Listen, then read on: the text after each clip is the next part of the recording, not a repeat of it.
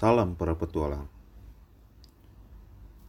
Selamat bergabung di Celoteh Belantara dengan saya Wildan Julpikar yang akan menemani kalian yang rindu berpetualang atau bahkan yang ingin dan sedang bergelut di dunia kepetualangan. Banyak hal yang akan saya celotehkan di Celoteh Belantara, tentunya seputar dunia kepetualangan. Jadi, selamat mendengarkan.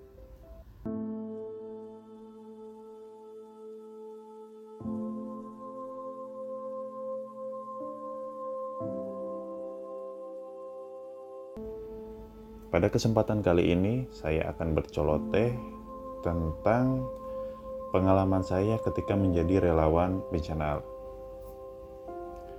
Lebih tepatnya ketika saya menjadi relawan di bencana alam, gempa bumi, dan tsunami yang terjadi di Sulawesi Tengah. Nah, kejadiannya itu pada akhir 2018.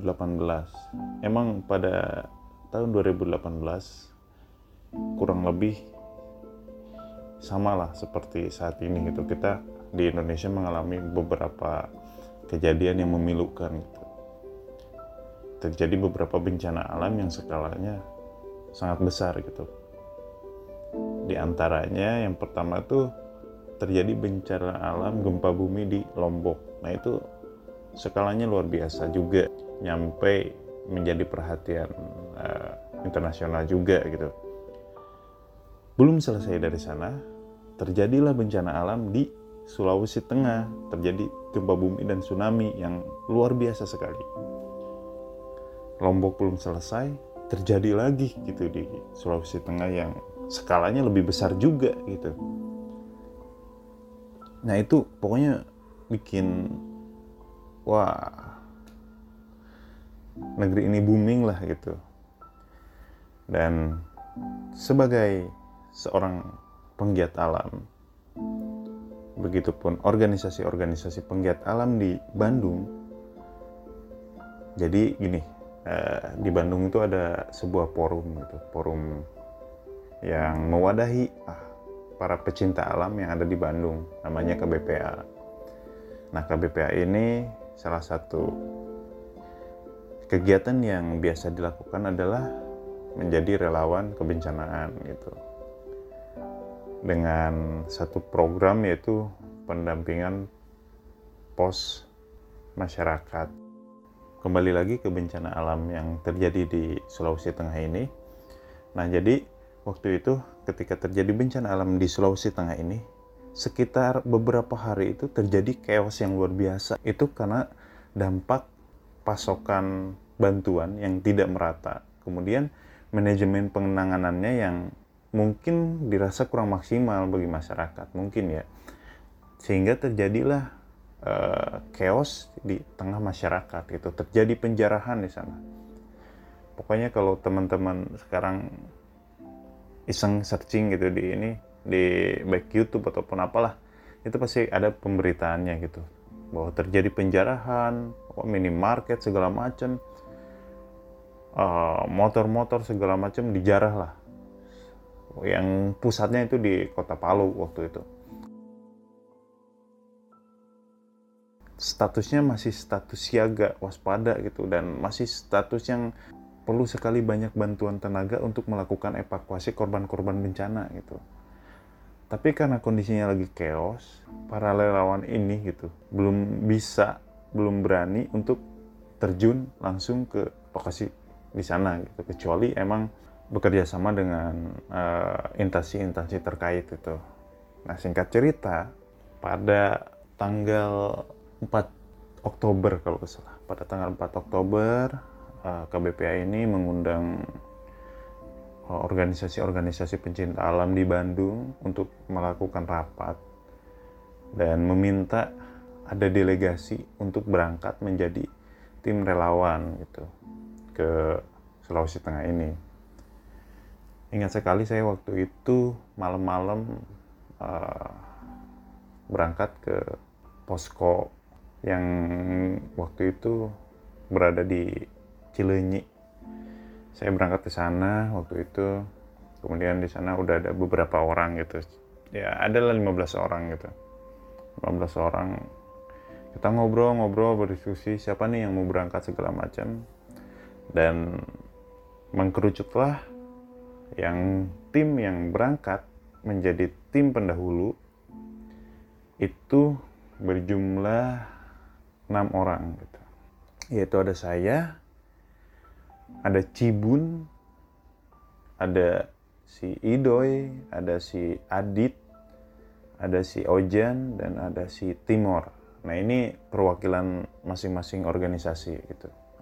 Organisasi pecinta alam dan yang paling muda itu ada Adit. Itu Adit dia uh, perwakilan dari Sispala waktu itu.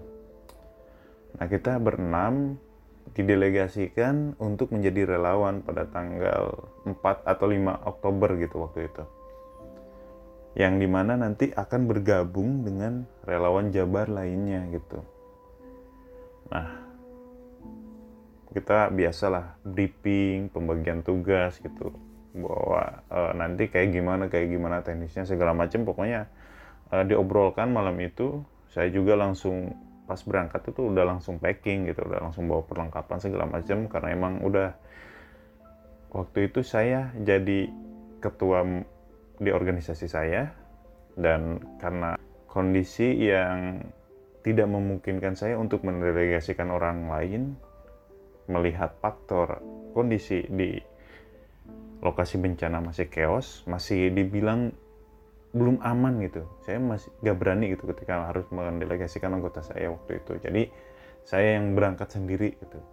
Tapi kalau misalnya saya mengambil keputusan tidak ada yang mendelegasikan, itu tidak mungkin juga gitu. Karena emang pada dasarnya ya hal yang biasa dilakukan dan emang hal alamiah yang yang biasa kita lakukan sebagai seorang pecinta alam adalah melakukan hal-hal yang bersifat kemanusiaan gitu. Salah satunya menjadi relawan itu hal yang sudah keharusan gitu bagi kita. Jadi ya udah saya mendelegasikan diri saya sendiri, saya yang berangkat gitu. Nah, malam itu kita briefing segala macam dan paginya kita berangkat dan waktu itu yang menjadi koordinator lapangan yaitu uh, si Cibun gitu.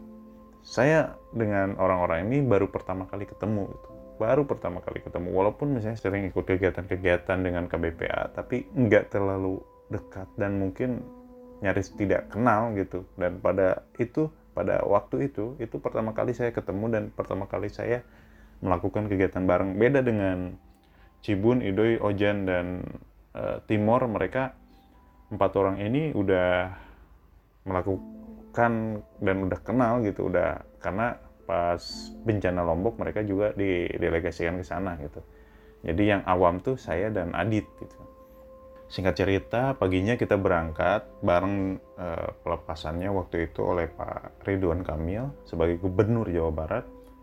Jadi kita gabung nih dengan relawan Jabar yang di mana isinya atau di mana berisi dari berbagai berbagai instansi ataupun organisasi ada BPBD, kemudian instansi uh, kemanusiaan lainnya dan uh, tentunya pecinta alam gitu.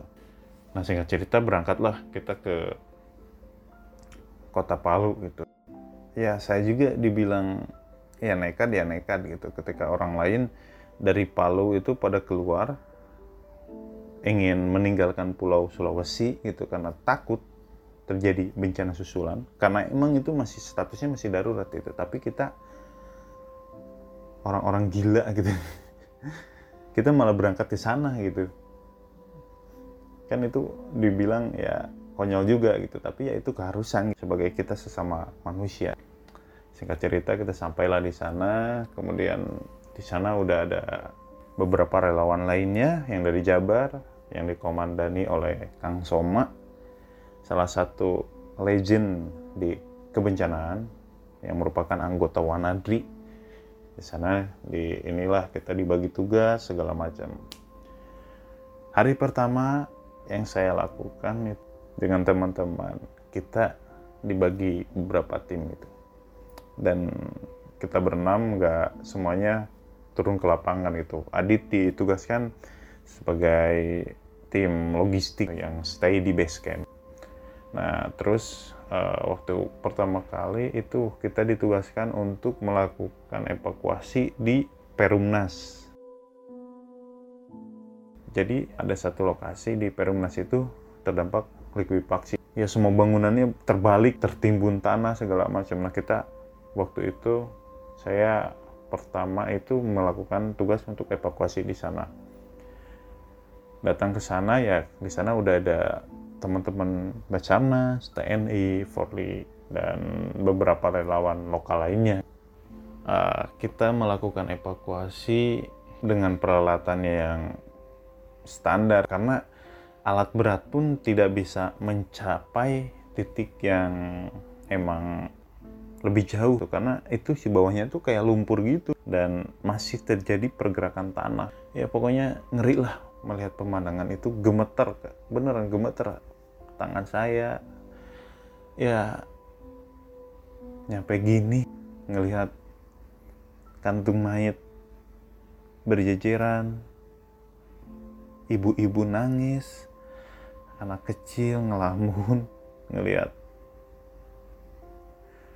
bapak-bapak kebingungan di mencari rumahnya keluarganya. Anjir itu menyayat-nyayat perasaan banget asli. Ya saya gak bisa nangis waktu itu tapi gemeter sekali gitu perasaan saya. Itu hari pertama gitu saya tugas di sana dengan teman-teman. Saya rasa teman-teman yang lain juga sama gitu. Hatinya pasti ya Allah gitu. Ya beruntung sekali gitu kita masih diberi keselamatan gitu kita evakuasi dengan peralatan seadanya. Jadi uh, sudah ada beberapa titik. Jadi tanda ini bahwa di sini ada keluarga saya yang masih tertimbun nih gitu. Jadi nanti setelah itu kita bantu nih untuk evakuasi. Jadi di sana tuh emang reruntuhan rumah segala macam wah pokoknya luar biasa. Waktu itu uh, saya Idoy dan Cibun kalau nggak salah kita. Ya lagi evakuasi nih. Katanya di sana kata keluarganya ada keluarga yang tertimbun gitu yang tertinggal di sana. Ya kita gali kan gali. Wah pokoknya bekas runtuhan segala macam gitu. Dan ternyata benar gitu di sana ada. Nah itu wah itu menyayat perasaan banget itu ketika kita melihat kondisi tubuh yang tidak lengkap segala macamnya itu sedih banget lah itu. Berhari-hari kita melakukan itu evakuasi mayat segala macam. Kemudian asesmen data ya banyak hal yang dipelajari ketika menjadi seorang relawan itu. Salah satunya rasa syukur kita kepada Tuhan itu bahwa kita masih diberikan sebuah kesempatan untuk hidup lebih baik lagi itu luar biasa sekali. Setelah melakukan evakuasi kita di rolling nih. Hari berikutnya kita melakukan asesmen dan pembersihan rumah sakit gitu. Waktu itu saya mengalami juga apa melakukan pembersihan rumah sakit. Rumah sakit itu masih layak untuk digunakan gitu. Kita cukup apa membersihkan kemudian ya merapihkan lagi lah puing-puing yang berjatuhan tapi masih layak untuk digunakan. Melakukan asesmen uh, lokasi-lokasi dan itu kegiatan itu ya tiap hari kita dilakukan dengan jam yang sama gitu. Paginya kita sarapan sarapan briefing kemudian ya makan bareng-bareng di dapur umum gitu dimasakin sama ada warga di sana gitu yang areanya dijadikan posko kita waktu itu. Kemudian berangkat mau itu evakuasi mau itu asesmen mau itu supply logistik dan segala macam nah itu uh, kita lakukan rutin ya pulangnya kita evaluasi makan biasa dan istirahat banyak hal-hal yang unik yang terjadi itu di selama bencana itu. Jadi kita bergabung di dengan uh, relawan Jabar itu uh, dua minggu lamanya. Jadi 14 hari karena kan masa tanggap bencana itu 14 hari. Nah, jadi 14 hari itu kita bergabung di relawan Jabar.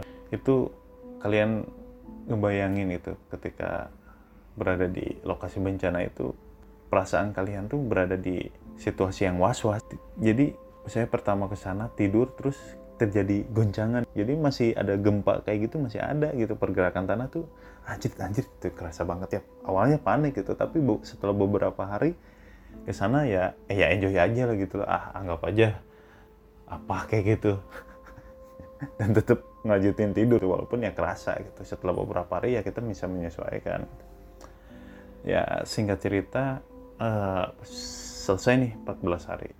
Dan 14 hari ini relawan Jabar sebagian ya pulang gitu. Tapi saya dan teman-teman saya yang enam orang ini tidak pulang. Kita masih melanjutkan kegiatan kemanusiaan lainnya yaitu kita membuat posko sendiri ya posko dari KBPA ini.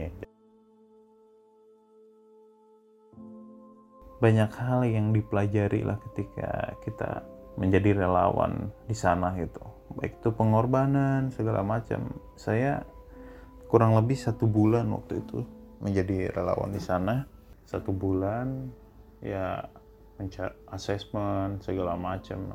Waktu itu sudah bukan tahap evakuasi lagi korban gitu karena ya dirasa jangka waktu 14 hari ini kan fokus evakuasi korban. Jadi lebih dari itu biasanya sudah tidak dilakukan lagi gitu. Dan biasanya setelah 14 hari ini kita para relawan fokus di recovery baik itu masyarakatnya ataupun hal-hal lainnya dan seperti supply uh, logistik ya lebih ke humanitinya lah membangun kembali spirit masyarakat yang terdampak untuk bisa kembali melanjutkan hidup lagi gitu. Nah itu sih lebih ke sana ketika pasca si 14 hari ini. Di sana ya kita biasalah pembagian tugas segala macam. Ya itu pengalaman yang luar biasa. 30 hari kurang lebih gitu berada di kondisi kemanusiaan yang begitu menyentuh itu. Begitu banyak pelajaran yang diambil. Entah itu keikhlasan, ya rasa syukur, terutama ya rasa syukur itu itu luar biasa sekali. Ya saya sendiri ya bangga gitu bangga bisa berada di sana gitu bisa berkontribusi di sana mengaplikasikan ilmu yang saya dapat di organisasi saya itu sungguh luar biasa gitu dan alhamdulillah itu pun menjadi pelajaran buat saya dan pengalaman yang cukup luar biasa gitu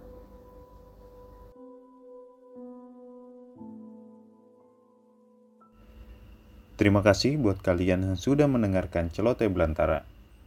Tunggu kelanjutan celoteh seputar dunia kepetualangan di pos pendakian berikutnya. Salam lestari.